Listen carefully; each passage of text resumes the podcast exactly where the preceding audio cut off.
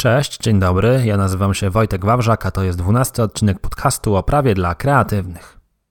Dzisiaj porozmawiamy o wdrożeniu sklepu internetowego, czyli o tym, że regulamin w sklepie internetowym to nie wszystko. Ale zanim o tym, to kilka słów wstępu. A dzisiaj słowo wstępu jest takie, że nagrywam dla Was ten podcast w piątek o godzinie 17.30.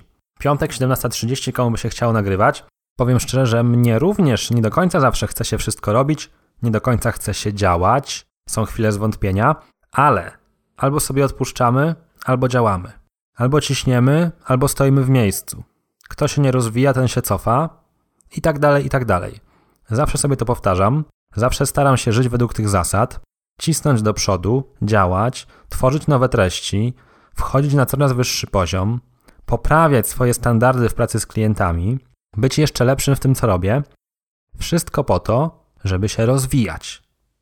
Dlatego siadam i nagrywam ten podcast w piątek. I mam nadzieję, że będzie to całkiem udany odcinek i że część z Was pozostawi swoją ocenę w iTunes, tak jak kilka osób, które zrobiły to jakiś czas temu. Zachęcam Was, możecie w iTunes zostawić recenzję, ocenić ten podcast, napisać, co Wam się podoba, co Wam się nie podoba ja każdą opinię przyjmuję z uśmiechem, nie tylko te pozytywne, ale również te bardziej krytyczne, które pomogą mi dostarczać Wam jeszcze więcej wiedzy, której potrzebujecie, w sposób, który jest dla Was odpowiedni. Ok, to tyle tego wstępu, tyle tego pierwiastka, może trochę emocjonalnego, bo ostatnio słuchałem podcastu z Marcinem Osmanem u Radka Budnickiego. Podcast nazywa się Lepiej Teraz i tam była mowa o hustlerze, czyli osobie, która ciśnie. Marcin Osman jest chyba takim najbardziej gorącym przykładem takiej osoby w Polsce, ale ja również uważam, że mogę powiedzieć o sobie hustler, czyli osoba, która ciśnie, która ceni produktywność i niekiedy wręcz tą produktywność stawia na trochę zbyt wysokim poziomie, zapominając, że nie tylko na ciśnięciu koncentruje się życie. To miało być słowem wstępu, wstęp się rozwinął, ale tematy związane z produktywnością są mi bardzo bliskie. Jeżeli będziecie chcieli, żebym opowiedział o tym więcej w jakimś odcinku podcastu, to może po prostu dajcie mi znać, napiszcie na kontakt małpawojciechwawrzak.pl ja będę wiedział, że takie tematy również Was interesują i poopowiadam o nich trochę więcej. A dzisiaj? Dzisiaj przechodzimy do wdrożenia prawnego sklepu internetowego i będziemy mówić o tym, że regulamin sklepu internetowego to nie wszystko. Skąd ten temat? Ano stąd, że bardzo często zgłaszają się do mnie osoby, które chcą rozpocząć prowadzić sklep internetowy, albo nawet już prowadzą, no i chcą mi zlecić przygotowanie regulaminu sklepu internetowego albo weryfikację tego regulaminu, który już posiadają. I ja wtedy mówię: OK, nie ma problemu. Regulaminy zajmuje się tym, jasne. Ale pamiętaj, że ten regulamin to nie jest wszystko, co ty potrzebujesz, żeby móc działać w swoim sklepie internetowym zgodnie z prawem. Tak naprawdę proces wdrożenia prawnego sklepu internetowego składa się z większej ilości elementów. Oprócz regulaminu, trzeba również zaprojektować odpowiednio proces zakupowy, trzeba zadbać o odpowiednie treści widoczne na stronie, warto również posiadać odpowiednio zaprojektowane zakładki dotyczące chociażby dostawy czy płatności, warto również przemyśleć proces zbierania zgód na przetwarzanie danych osobowych, przygotować politykę prywatności, zatroszczyć się odpowiednie procedury ochrony danych osobowych, przygotować wewnętrzną dokumentację ochrony tych danych, zgłosić zbiory do GIODO, a w końcu, przed samym startem sklepu, wykonać taki ostateczny audyt, w ramach którego przekonamy się, czy rzeczywiście ten sklep jest gotowy, by móc zacząć działać. I tutaj, jak wymieniłem te wszystkie najważniejsze etapy, tak teraz dalej będę chciał je omówić trochę bardziej szczegółowo. No i zacznijmy od tego pierwszego etapu, czyli od procesu zakupowego, od odpowiednich treści na stronie i od całego tego audytu prawnego, o którym często mówię klientom, tłumacząc im, na czym taki audyt polega. I na czym taki audyt polega? Ten audyt polega na tym, że ja uzyskuję dostęp do wersji beta sklepu internetowego, składam w nim testowe zamówienie, składam w nim testowe konto, zapisuję się na newsletter, patrzę, jakie treści są dostępne w sklepie, przyglądam się potwierdzeniu zawarcia umowy, generalnie analizuję cały sklep tak, jakbym był jego użytkownikiem, tak, jakbym był kupującym. Po co mi ten audyt prawny? Po co sprzedawcy ten audyt prawny? i po co nam razem ten audyt prawny, ponieważ no to ja razem z klientem pracuję. Ten audyt potrzebny nam jest po to, żebyśmy mogli sprawdzić i przekonać się, co jest dobrze wdrożone w sklepie internetowym od strony prawnej, a co wymaga jeszcze trochę wysiłku. No i najczęściej moje uwagi dotyczą procesu składania zamówienia. Często w tym procesie składania zamówienia brakuje istotnych dla kupującego informacji. Brakuje na przykład wzmianki o możliwości odstąpienia od umowy, bo sprzedawcy często dążą do tego, żeby tę informację nie podawać tak wprost, bo wydaje im się, że w ten sposób będzie mniej odstąpień od umowy, a tymczasem ja nakłaniam, żeby transparentnie kupujących informować o wszystkich przysługujących im uprawnieniach, wychodzić im naprzeciw. No i w ramach takiego audytu wskazuje, że warto byłoby w takim i w takim miejscu umieścić taką a taką dodatkową informację, uczynić ten proces zamówienia bardziej przejrzystym, zmodyfikować pewne jego kroki, być może uprościć, być może wyeliminować pewne dane osobowe, które się podaje w procesie składania zamówienia, bo na przykład często w defaultowej e, templatce jakiegoś systemu sklepowego pojawia się data urodzenia, a w większości przypadków ta data urodzenia nie będzie niezbędna do złożenia zamówienia. Wtedy rekomenduję pomyślenie nad usunięciem tego pola, bo jak wiemy, im więcej pól w formularzu, tym większe prawdopodobieństwo, że użytkownik taki proces zamówienia porzuci. Więc w tym audycie skupiam się nie tylko na takich kwestiach stricte prawnych, ale staram się zawsze również klientowi podpowiedzieć trochę na temat użyteczności takiego sklepu, przyjazności wszystkich rozwiązań w stosunku do użytkownika. W ramach tego formularza zamówienia wspomniałem, że pojawiają się tam pola, w których użytkownik wprowadza dane osobowe. I tutaj w ramach audytu często wypunktowuję klientom, że nie informują należycie użytkowników o tym, co będzie działo się z ich danymi osobowymi. Mówiłem o tym w ostatnim odcinku podcastu poświęconemu RODO, czyli unijnemu rozporządzeniu o ochronie danych osobowych. Mówiłem, że RODO kładzie nacisk na obowiązek informacyjny, co oznacza, że my musimy użytkownikowi, kiedy on podaje nam dane osobowe, przekazać odpowiednie informacje.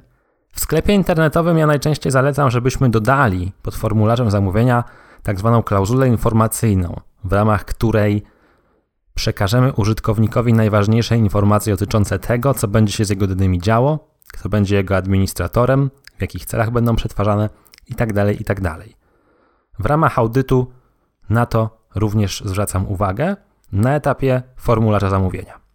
Często w formularzu zamówienia pojawiają się również checkboxy marketingowe. To znaczy sprzedawca chce w trakcie składania zamówienia nakłonić użytkownika, by ten na przykład zapisał się na newsletter. I tutaj pojawia się ten problem, jakiej treści ten checkbox powinien być. No bo jak wiemy, jak pisałem o tym wielokrotnie na swoim blogu prakreacja.pl, na komunikację marketingową potrzebujemy od użytkownika zgody. Ta zgoda powinna być odpowiedniej treści, w zależności od tego, co z danymi chcemy robić, i w ramach audytu prawnego ja klientowi wskazuję, w jaki sposób taki checkbox powinien brzmieć, żeby odpowiadał wymogom prawnym, żeby ta zgoda newsletterowa była ważna, była zebrana w taki sposób, który pozwoli nam tę zgodę wykorzystywać w przyszłości.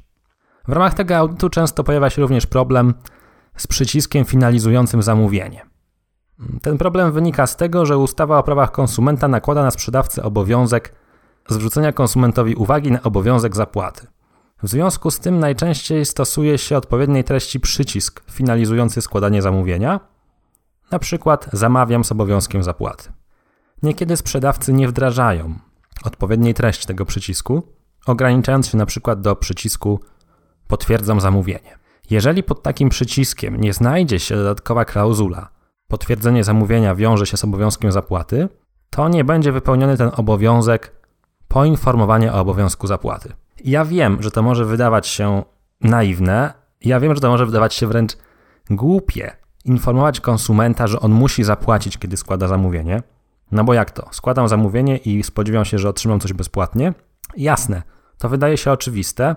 Niemniej jednak ustawa o prawach konsumenta nakłada stosowny obowiązek informacyjny na sprzedawcę, dlatego trzeba zadbać o to, żeby w tym ostatnim kroku zamówienia ten nasz kupujący w odpowiedni sposób potwierdził zamówienie, żeby ten przycisk miał odpowiednią treść, żeby wskazywał na obowiązek zapłaty.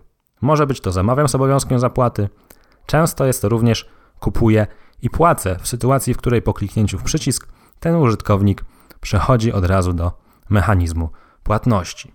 W ramach takiego audytu prawnego sklepu internetowego i zaprojektowania odpowiedniej treści sklepu, ja często zwracam również uwagę klientom, że na przykład nie ma nigdzie w stałym miejscu strony wskazania ich danych identyfikacyjnych.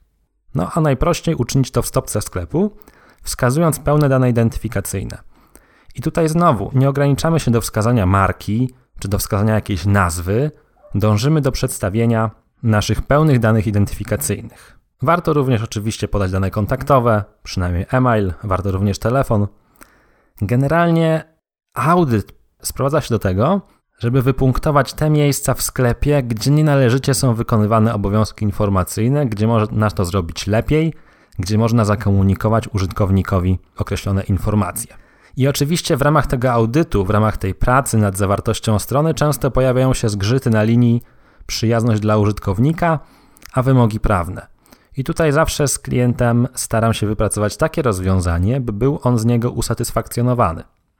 By nie tylko był to taki blok, ściana tekstu różnych informacji prawnych, ale żeby rzeczywiście to było dla użytkownika przyjazne. Tym bardziej, że tak jak mówiłem w poprzednim odcinku poświęconym RODO, unijne rozporządzenie kładzie nacisk na to, żebyśmy komunikowali się z użytkownikami w sposób przejrzysty, jasny, klarowny. Nie chodzi tylko o to, żeby przekazać użytkownikowi informacje w jakiś bardzo formalistyczny sposób, ale o to, żeby te informacje były przekazane mu tak, aby on mógł odnieść z nich realną korzyść, zrozumieć je i wiedzieć o co chodzi. I to myślę, że na tym poprzestanę, gdy chodzi o audyt prawny, gdy chodzi o procedurę składania zamówienia i treść sklepu internetowego. Generalnie taki audyt wykonuje się na etapie, gdy jest już wersja beta sklepu, ale taka, która pozwala na przeprowadzenie testowego zamówienia i w ramach której wprowadzone są już takie treści, które będą dostępne w sklepie. Nie muszą być to wszystkie produkty, może być to na przykład jeden produkt, ale chodzi o to, żeby można było zweryfikować podstawowe zasady, podstawowe założenia i żeby można było wprowadzić stosowne modyfikacje, żeby wypełnić wszystkie prawne obowiązki. Gdy taki audyt wykonamy, gdy klient, gdy ten sprzedawca ma już informacje, co musi gdzie wdrożyć, jakie klauzule informacyjne dodać, jakie checkboxy podmienić, jak poinformować o pewnych kwestiach użytkownika, czy zrobić to poprzez e, jakieś wyskakujące okienko z informacją, czy zrobić to poprzez rozwijalną listę, a może przez zwykłą klauzulę pod formularzem, to w dalszym etapie dochodzimy do regulaminu. No i przy, jeżeli chodzi o regulamin, to to powiedziałbym, nie ma tutaj większej filozofii w takim znaczeniu, że wszyscy wiedzą, że regulamin trzeba mieć. I o ile to jest wiedza powszechna, mm, to ja jak gdyby uzasadnię ją, dlaczego ten regulamin trzeba mieć, no bo powiedzenie samego musisz mieć regulamin nie jest moim zdaniem wystarczające, bo warto, żeby ten sprzedawca wiedział, po co ten regulamin. Po pierwsze, ten regulamin jest po to, że w ramach regulaminu jesteśmy w stanie wypełnić szereg obowiązków informacyjnych, jakie nakłada na nas ustawa o prawach konsumenta. Czyli mamy taki oto regulamin, w którym zawieramy wszystkie informacje, jakie ustawa o prawach konsumenta każe nam przekazać użytkownikowi. Poprzez to, że użytkownik będzie taki regulamin akceptował w trakcie składania zamówienia albo w trakcie zakładania konta w sklepie, to możemy zawsze powiedzieć, że my mu określone informacje przekazaliśmy, że on oświadczył nam, że zapoznał się z regulaminem, w związku z tym pewne informacje ma. A zatem regulamin sklepu internetowego warto mieć dlatego, że w ten sposób wypełnia się obowiązki informacyjne, ale również dlatego, że ten regulamin zastępuje umowę, którą normalnie zawieralibyśmy na przykład na piśmie. Na podstawie regulaminu użytkownik zawiera z nami umowę za pośrednictwem sklepu, najczęściej będzie to umowa sprzedaży, więc ten regulamin jest po to, żebyśmy my wypełnili treść tej umowy, żeby wszystko było jasne, jak transakcja będzie przebiegać, kiedy użytkownik otrzyma towar, kiedy musi za niego zapłacić, w jakiej chwili dochodzi do zawarcia umowy. Generalnie regulamin jest takim kluczowym elementem, bo zastępuje umowę. I przygotowując regulamin, sprzedawcy często mierzą się z takim wyzwaniem i myślą w głowie, że być może ten regulamin wykorzystamy po to, żeby zabezpieczyć się przed różnego rodzaju przypadkami. I ja zawsze powtarzam swoim klientom, że ograniczajmy regulamin do takiego minimum, nie starajmy się za bardzo zabezpieczać, ponieważ wchodzimy wtedy w ryzyko uznania pewnych postanowień za klauzule niedozwolone, a nie jest to fajna sprawa. Taką klauzulą niedozwoloną będzie na przykład stwierdzenie, że można odstąpić od umowy tylko wtedy, kiedy e, dostarczymy paragon. Oczywiście, jak pisałem na blogu, możliwe jest odstąpienie od umowy również bez paragonu. Przykładem klauzul niedozwolonych będą inne sytuacje, gdy będziemy próbować pozbawiać kupującego pewnych uprawnień, na przykład stwierdzając, że jeżeli on nie sprawdzi przesyłki przy kurierze, to traci prawa do reklamacji. Albo jeżeli przesyła nam e, produkt uszkodzony, to automatycznie oznacza, że on traci ileś tam procent na wartości i tyle możemy mu nie zwrócić. Przykładem takiej klauzuli niedozwolonej będzie również sytuacja, w której my przewidujemy w regulaminie, że w przypadku uszkodzenia opakowania potrącamy 5% wartości towaru. Albo na przykład, że sprzedawca nie ponosi odpowiedzialności za opóźnienie w dostawie towaru, albo w ogóle nie ponosi odpowiedzialności za firmę kurierską, która dostarcza towar. I tu jest częsta moja uwaga do sklepów internetowych, że to sprzedawca ponosi odpowiedzialność za firmę kurierską. To sprzedawca ma obowiązek dostarczyć kupującemu produkt, więc to sprzedawca bierze na siebie wszelkie problemy z tym związane. Nie może powiedzieć kupującemu, że słuchaj, mnie to już nie dotyczy, to już wina firmy kurierskiej, z nią sobie ustalaj. Nie, to byłoby niezasadne przerzucanie odpowiedzialności na konsumenta i generalnie trzeba starać się w regulaminie, by właśnie tej odpowiedzialności nie przerzucać w nadmiernym stopniu. Czasem lepiej pewne kwestie przemilczeć, będąc tak trochę sprytnym, można powiedzieć, i rozwiązując konflikty na drodze indywidualnego kontaktu z klientem, a niekoniecznie zabezpieczenia się na wszystkie możliwe sytuacje w regulaminie. O regulaminie nie będę teraz mówił bardziej szczegółowo. Na blogu prakreacja.pl znajdziesz oddzielny artykuł poświęcony regulaminowi, w którym omawiam paragraf po paragrafie, co w takim regulaminie powinno się znaleźć. Co więcej, jeżeli będziesz chciał taki regulamin przygotować samodzielnie, możesz kupić ode mnie szablon regulaminu sklepu internetowego, w którym e, znajdziesz treść regulaminu oraz komentarze do niego pozwalające ci uzupełnić określone pola. Jest to takie rozwiązanie budżetowe dla tych osób, które niekoniecznie chcą korzystać z mojej indywidualnej usługi, bo nie mieści się ona w ich budżecie, wolą zapłacić mniej, ściągnąć szablon regulaminu przeze mnie wcześniej przygotowany i na podstawie komentarzy dostosować taki regulamin do swojego sklepu. Przy czym w takim pakiecie oprócz regulaminu znajduje się również polityka prywatności, znajdują się również wzory formularzy odstąpienia od umowy i formularza reklamacyjnego. Znajdują się również wytyczne dotyczące treści na stronie, a w przypadku pakietu premium znajdują się również zagadnienia związane z ochroną danych osobowych. Więc wybierając taki pakiet, możesz zadbać całościowo o wdrożenie swojego sklepu internetowego od strony prawnej, wydając na to mniej niż na indywidualną usługę. Oczywiście, jeżeli będziesz chciał pracować ze mną indywidualnie, ja również jestem do dyspozycji. Z przyjemnością zajmę się Twoim sklepem, jak wieloma innymi. Ok, zatem przerobiliśmy temat audytu prawnego sklepu internetowego, który ma zmierzać do tego, żeby treść Twojego sklepu internetowego odpowiadała prawu. Przerobiliśmy temat regulaminu sklepu internetowego, czyli takiego podstawowego dokumentu, na którym powinieneś się skupić. Teraz wspomnijmy sobie o zakładkach na stronie sklepu internetowego. To trochę wiąże się z treścią sklepu internetowego, ale nie wspominałem o tym wcześniej, więc powiem teraz o tym kilka słów. Generalnie dobrą praktyką jest, żeby oprócz regulaminu i polityki prywatności w sklepie znajdowały się zakładki poświęcone tym informacjom, które użytkownicy szukają. Czyli chodzi o zakładkę dostawa i płatność, zwroty i reklamacje. I tutaj nie ma większej filozofii. Możesz po prostu ograniczyć się do przekopiowania z regulaminu konkretnych postanowień dotyczących odstąpienia od umowy czy też reklamacji, dostawy i płatności. Mm, ja jednak zachęcam do tego, żebyś przygotował tutaj jakieś takie fajne kopie, jak ja to mówię, żebyś przekazał te informacje użytkownikowi w sposób dla niego przyjazny. No bo jak wiemy, regulaminy nie zawsze ludziom dobrze się kojarzą. Czasem warto komuś coś wytłumaczyć takim zwykłym ludzkim językiem w fajny sposób, kreatywny, oryginalny. To na pewno wyróżni cię spośród konkurencji i przekona tego użytkownika, że stosujesz fajne praktyki, że opiekujesz się nim, że chcesz mu dostarczyć wszystkich informacji. Przy czym, jeżeli decydujesz się na to, żeby te treści zakładek nie były powieleniem postanowień regulaminowych, to pamiętaj, żeby nie zawierać informacji sprzecznych z regulaminem. Czyli krótko mówiąc, chodzi o to, żeby te zakładki odpowiadały regulaminowi, ale żeby jednocześnie napisane były takim fajnym, przystępnym, przyjaznym językiem, choć tak jak mówię, nie jest to obowiązek, podobnie jak samo posiadanie zakładek nie jest obowiązkiem. Możesz ograniczyć się wyłącznie do regulaminu, polityki prywatności, nie musisz dodawać zakładek, ale ja uważam, że to jest fajna praktyka. Ona pokazuje kupującemu, że sklep jest transparentny, że jest przyjazny, że wszystko można się dowiedzieć, że sprzedawca nie próbuje niczego ukrywać, a nawet jeżeli nie chodzi o ukrywanie, to dołożył takiej należytej staranności, żeby położyć, wyłożyć wszystko jak kawa na ławę. Ok, zatem audyt, regulamin, zakładki w sklepie internetowym. Powiedzmy sobie teraz jeszcze chwilkę o potwierdzeniu zawarcia umowy na odległość.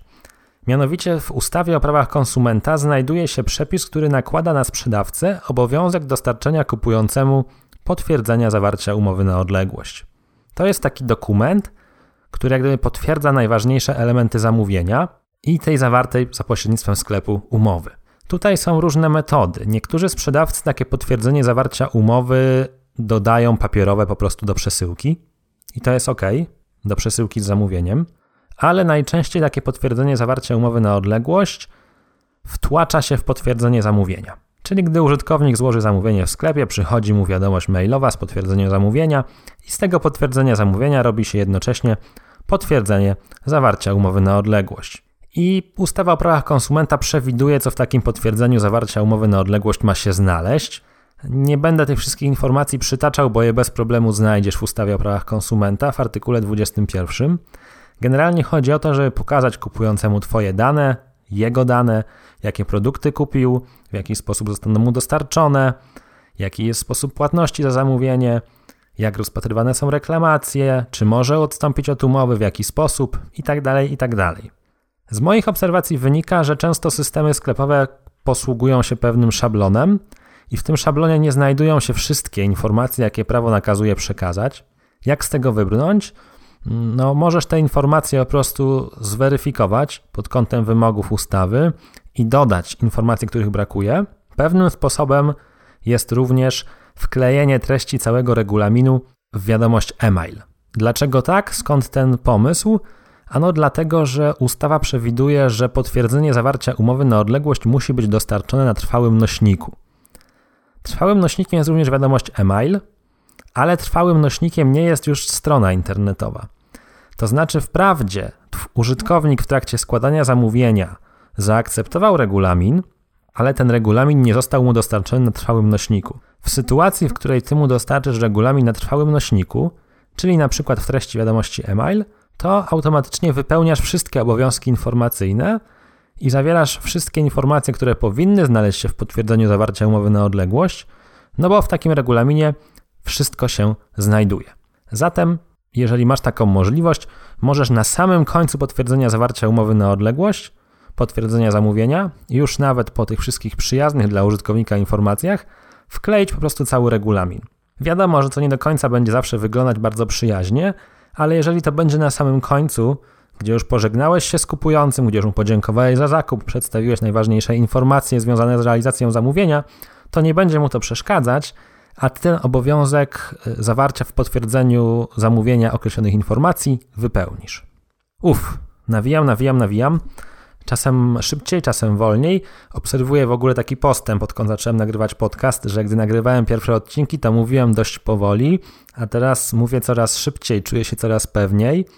Nawet niekiedy trochę się ekscytuję, wymachuję tutaj przed ekranem swoimi rękoma. Ty tego nie widzisz, bo słuchasz nagrania, ale naprawdę nagrywanie tych podcastów staje się czymś bardzo interesującym dla mnie i naprawdę lubię te momenty, kiedy mówię do mikrofonu, ale jeszcze bardziej lubię te momenty, kiedy ty słuchasz tego nagrania, a jeszcze bardziej lubię te momenty, kiedy ty dajesz mi znać, że ci się podobało, albo piszesz mi, co w takim podcaście mogłoby pójść lepiej.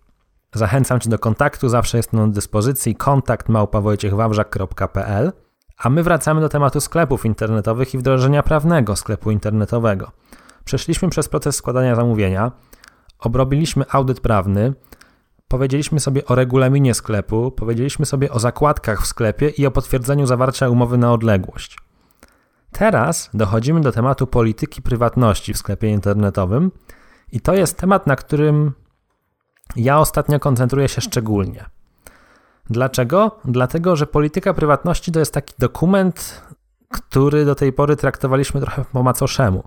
To znaczy, w internecie znajdziesz mnóstwo wzorów polityk prywatności, ale będą to wzory bardzo ogólne, posługujące się pewnymi standardowymi stwierdzeniami. Natomiast e, zarówno unijne rozporządzenie o ochronie danych osobowych, jak i planowana dyrektywa dotycząca e-prywatności rzucają nowe światło na politykę prywatności i na politykę plików cookies i będą wymagały od ciebie przekazywania tych informacji bardziej dokładnych, bardziej zindywidualizowanych. Dlatego, żeby przygotować dobrą politykę prywatności, najpierw trzeba zastanowić się, jakie pliki cookies u nas funkcjonują.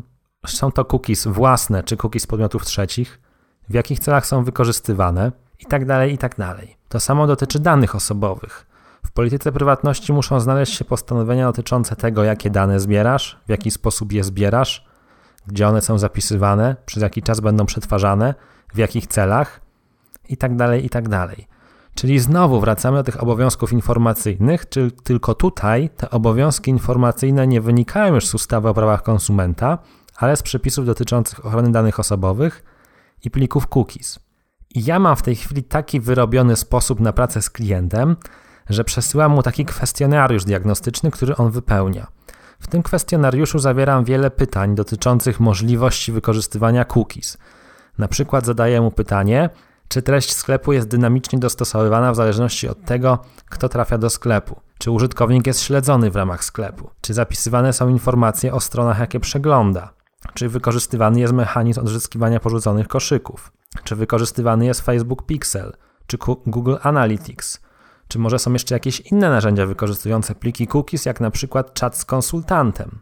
Generalnie często widzę, że sprzedawcy nawet nie zawsze mają wiedzę na temat tego, jakie narzędzia wykorzystują cookies, i gdy ja im wysyłam taki kwestionariusz, to oni dostają również fajny sposób do przemyślenia, co na ich stronie się dzieje. Ja też po swojej stronie mogę wykonać taki audyt plików cookies, gdzie przeskanuję taką witrynę pod kątem wykorzystywania plików cookies i potem z klientem sobie ustalimy, w jaki rzeczywiście sposób te pliki cookies są wykorzystywane. Dlatego, jeżeli decydujesz się na przygotowanie w swoim sklepie internetowym polityki prywatności, to ja zachęcam Cię do nieposługiwania się takimi oklepanymi standardami z internetu, ale rzeczywiście dopracowanie tej polityki i stworzenie jej mocno indywidualnej. Wszystko po to, tutaj znowu wracamy do tego, do tej kwestii RODO, wszystko po to, żeby jak najlepiej komunikować użytkownikowi wszystkie informacje w sposób przyjazny, przejrzysty, indywidualny. Zatem, jeżeli wkładamy wysiłek w przygotowanie jakichś dokumentów na potrzeby sklepu internetowego, to dążmy zawsze do tego, żeby te dokumenty odpowiadały rzeczywistości. Ja bym powiedział, mam taką nawet trochę obsesję na tym punkcie i zawsze bardzo skrupulatnie pilnuję, żebyśmy w dokumentach wypracowywanych z klientem zawierali wszystkie informacje jak najbardziej odpowiadające rzeczywiście stosowanym technikom.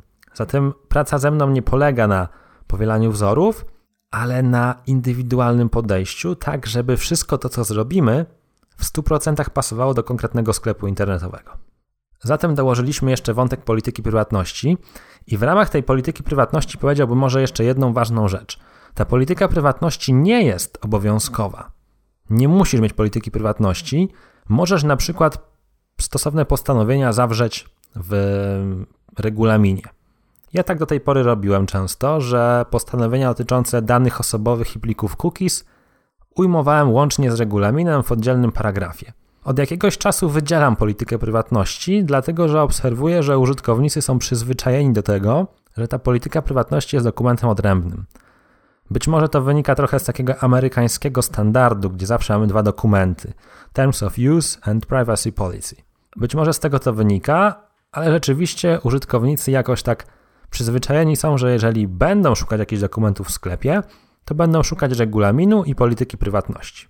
Zatem obecnie Przygotowuję oddzielne dokumenty i również w moim pakiecie dla sklepów internetowych regulamin i polityka prywatności to dwa oddzielne od siebie dokumenty. O tym pakiecie możesz przeczytać na blogu. W opisie odcinka, jak zwykle, znajduje się link do jak gdyby notatek tego odcinka, ale tymi notatkami jest po prostu artykuł na blogu poświęcony tematowi odcinka, czyli w tym przypadku wdrożeniu sklepu internetowego. Jest to o tyle fajne, że nie stosuję takich stuprocentowych transkrypcji, ponieważ inaczej się pisze, inaczej się mówi. Oddzielnie przygotowuję artykuł i oddzielnie nagrywam podcast. Niekiedy również, e, coraz częściej teraz, dokonuję rewizji starych materiałów, czyli biorę artykuł blogowy, uzupełniam go, poprawiam, aktualizuję, a potem dogrywam odcinek podcastu. Artykułów na moim blogu jest mnóstwo, bo przez 4 lata trochę się ich nagromadziło, więc mam sporo kontentu do wykorzystania, ale staram się selekcjonować te treści, które najbardziej są dla ludzi interesujące, a że obecnie obsługuję bardzo wiele sklepów internetowych, to stwierdziłem, że przygotowanie podcastu o wdrożeniu prawnym sklepu internetowego, jak to wygląda krok po kroku, będzie jak najbardziej wskazane. No a jak wygląda krok po kroku, to właśnie jesteśmy w toku omawiania tego i przerobiliśmy sobie temat procesu zakupowego, temat audytu, regulaminu, zakładek, potwierdzenia zawarcia umowy na odległość, polityki prywatności. Został nam jeszcze temat danych osobowych. O danych osobowych bardzo dużo mówiłem w ostatnim odcinku podcastu poświęconym RODO, czyli unijnemu rozporządzeniu o ochronie danych osobowych. I dzisiaj nie będę powielał tych informacji, odeślę Cię do tamtego odcinka podcastu, a teraz e, jedynie podkreślę, że często w sklepie internetowym masz wiele zbiorów danych osobowych, bo jeden zbiór danych osobowych to jeden cel przetwarzania danych. I tak w swoim sklepie internetowym masz na przykład zbiór użytkowników, którzy założyli konto, zbiór zamówień, zbiór marketingowy, zbiór zwrotów i reklamacji, zbiór faktur, a nawet zbiór danych pracowników, którzy w tym sklepie internetowym pracują. I generalnie w ramach ochrony danych osobowych ty powinieneś przygotować stosowne procedury postępowania z tymi danymi, wdrożyć u siebie w firmie odpowiednie środki ochrony, opisać te środki ochrony w dokumentacji ochrony danych osobowych i do 25 maja 2018 roku jeszcze zgłaszać zbiory do GIODO. I tak jak mówię, w poprzednim odcinku podcastu, w odcinku numer 11, opowiedziałem szczegółowo o RODO. Na blogu dostępny jest również bardzo obszerny poradnik dotyczący RODO. Włożyłem w niego wiele energii, wiele pracy, spotkał się z ciepłym odbiorem publiczności, dlatego jeżeli jeszcze nie prześledziłeś tematów związanych z ochroną danych osobowych, a stykasz się z nimi w związku ze sklepem internetowym, to zachęcam Cię do niepoprzestania wyłącznie na tym, co mówię teraz, ale sięgnięcia również po inne materiały dotyczące ochrony danych osobowych, które dostępne są na moim blogu oraz w tymże podcaście.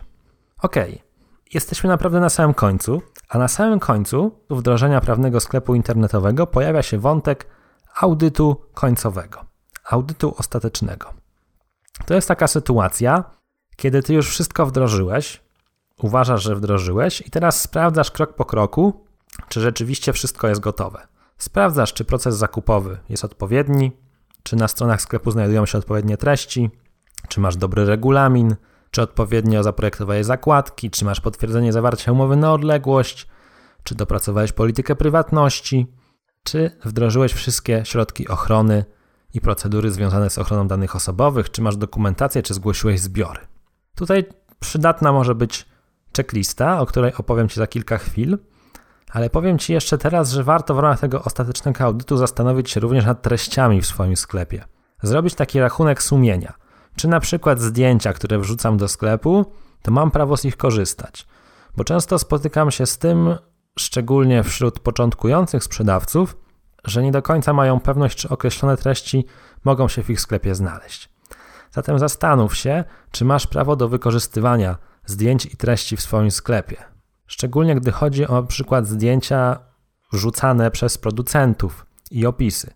Upewnij się, czy ty masz licencję na korzystanie z takich materiałów i czy rzeczywiście rozpowszechnianie ich w ramach sklepu nie będzie stanowić naruszenia praw autorskich.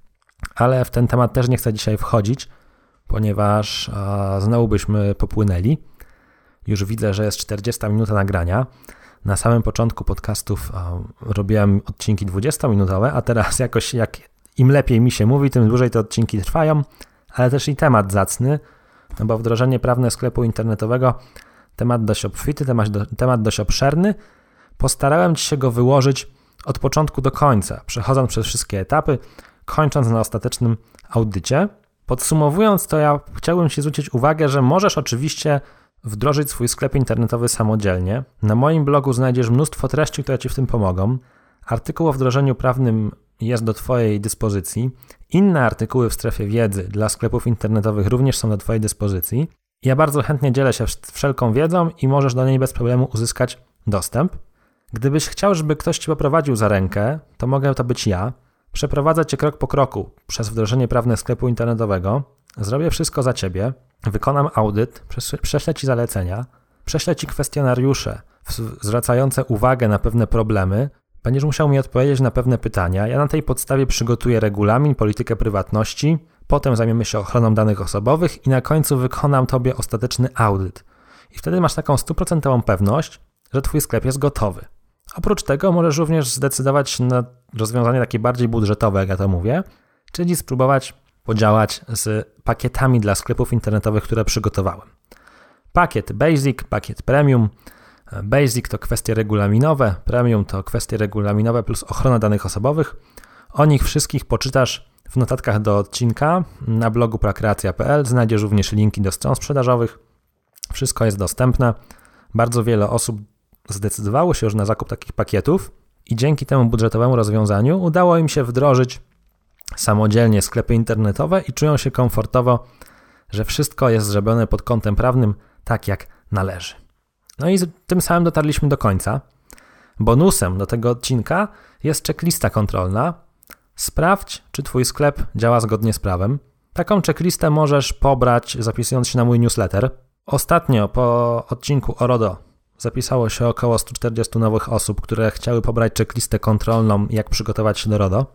Dzisiaj możesz uzyskać checklistę kontrolną pozwalającą Ci krok po kroku sprawdzić, czy Twój sklep odpowiada wymogom prawnym.